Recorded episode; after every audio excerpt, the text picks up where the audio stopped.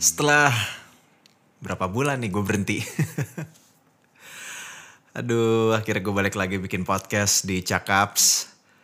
Karena gue lagi fokus bikin podcast untuk aplikasi Noise. Jadi kalau lo pengen dengerin gue di Noise, ada ya di situ gue juga bahas musik.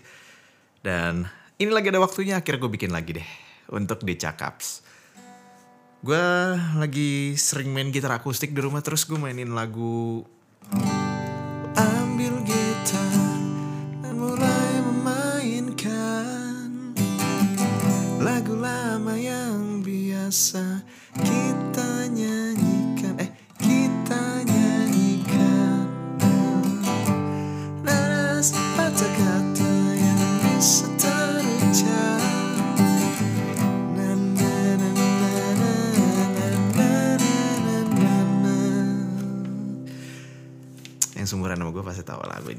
Slankers juga tahu. Sama ini gue juga suka lagu ini nih.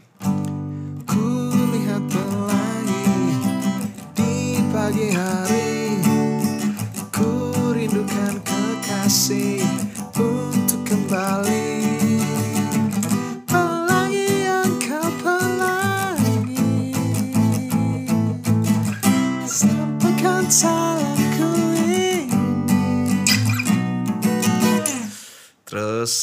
Ini lagu yang pertama kali gue belajar main drum, gue main lagu ini.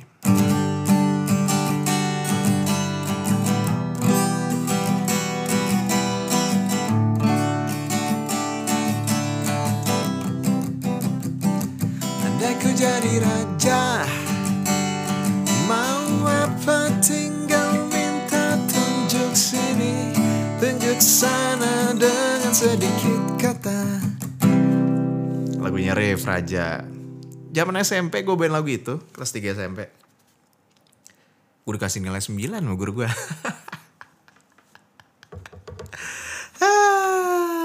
Zaman-zaman dulu ya. Ya. Jadinya gue inget Pas mainin lagu-lagu itu Gue belajar di mana ya lagu ini ya? Oh iya Gue belajar di warung tempat gue nongkrong atau belajar sama abang-abangan.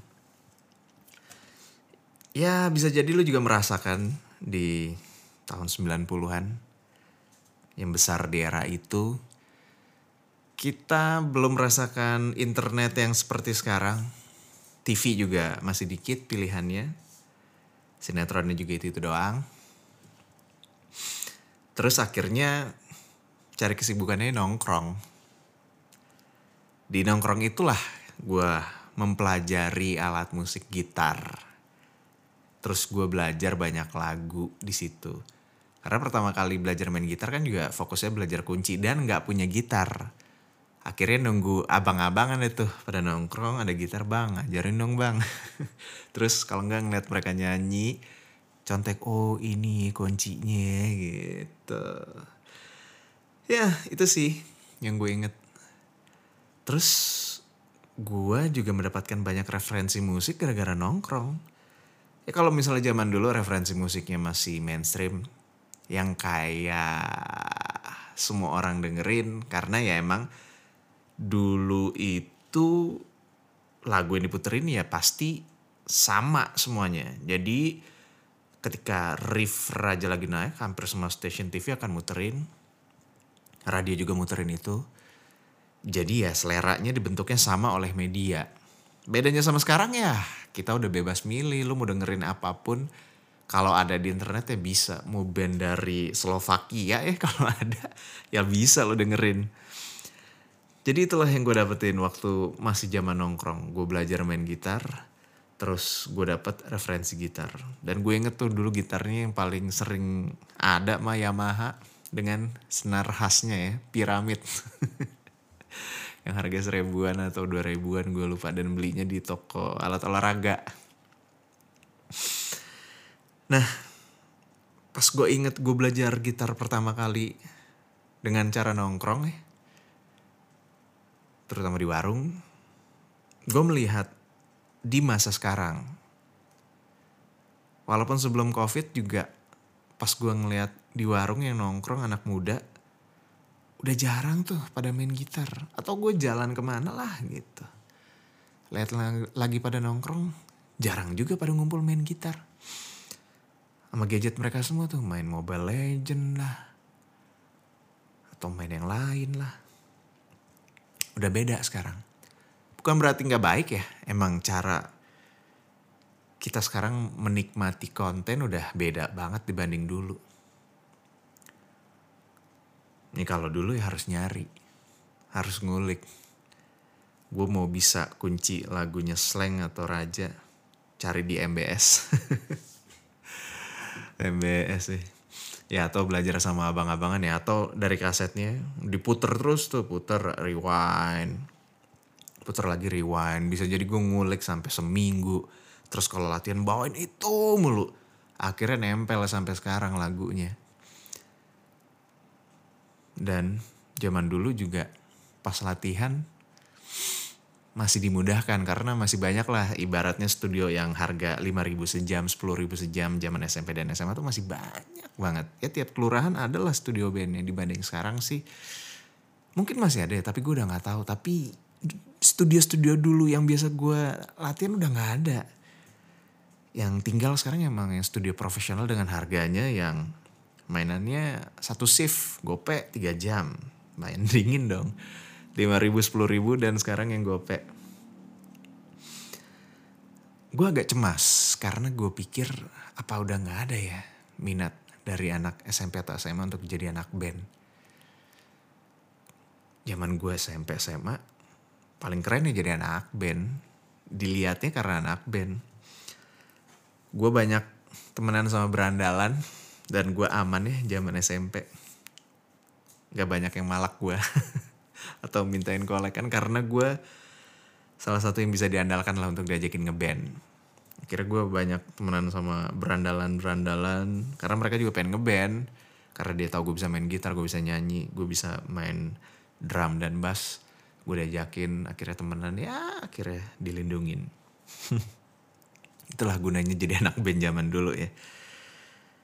Nah itu jadi concern gue. Ada gak ya anak SMP dan SMA?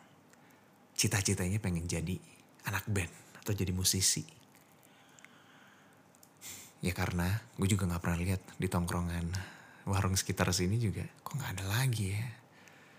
Yang pada nongkrong terus nyanyi lagu yang lagi hits. Semuanya udah berubah.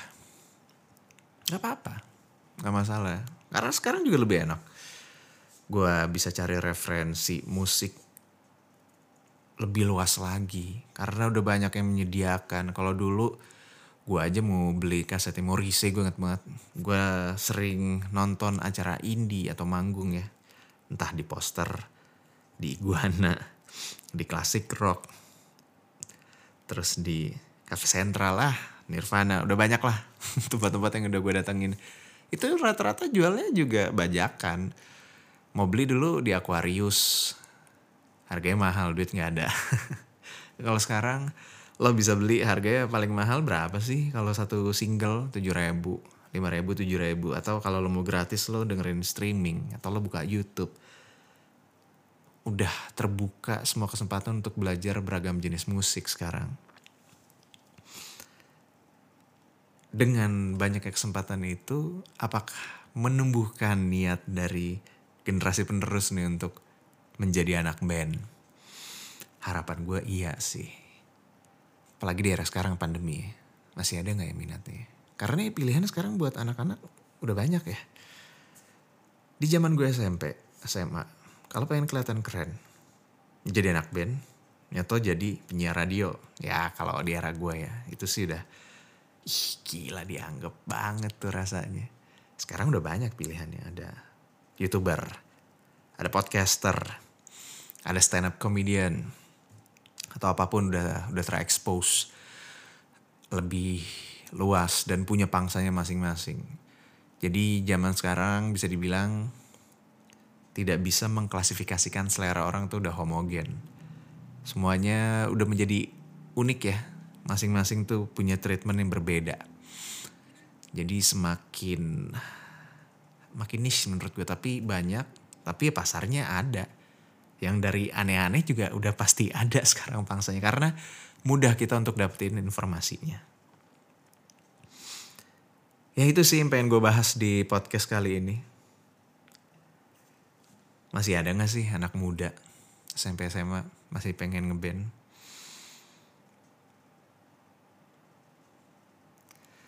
Hmm, semoga masih ada ya. Kalau lo pengen ngasih masukan, ngasih komentar, gimana sih cara anak muda sekarang untuk mendapatkan referensi? Udah pasti dari internet apakah masih ada yang nongkrong? Kalau misalnya di daerah lo masih ada yang nongkrong dan melakukan hal yang dilakukan di tahun 90-an tolong share ke gue juga. Lo bisa mention gue di twitter at Ricky underscore Rahim atau di Instagram Ricky Rahim P. Karena sampai sekarang Spotify ataupun platform yang lainnya belum menyediakan fitur untuk berinteraksi jadi kita ngobrol di situ dulu ya oke semoga ada manfaatnya podcast ini dan keresahan gue bisa tersalurkan dengan ada yang dengerin. Dan kita ketemu lagi di podcast Interlude lagi gue ngomong. Interlude itu podcast gue di Noise juga ngebahas musik. Silahkan didengerin ya, lo download aplikasi Noise. Kita ketemu lagi di Cakaps ya, Cakaps di episode berikutnya ya. Terima kasih udah denger.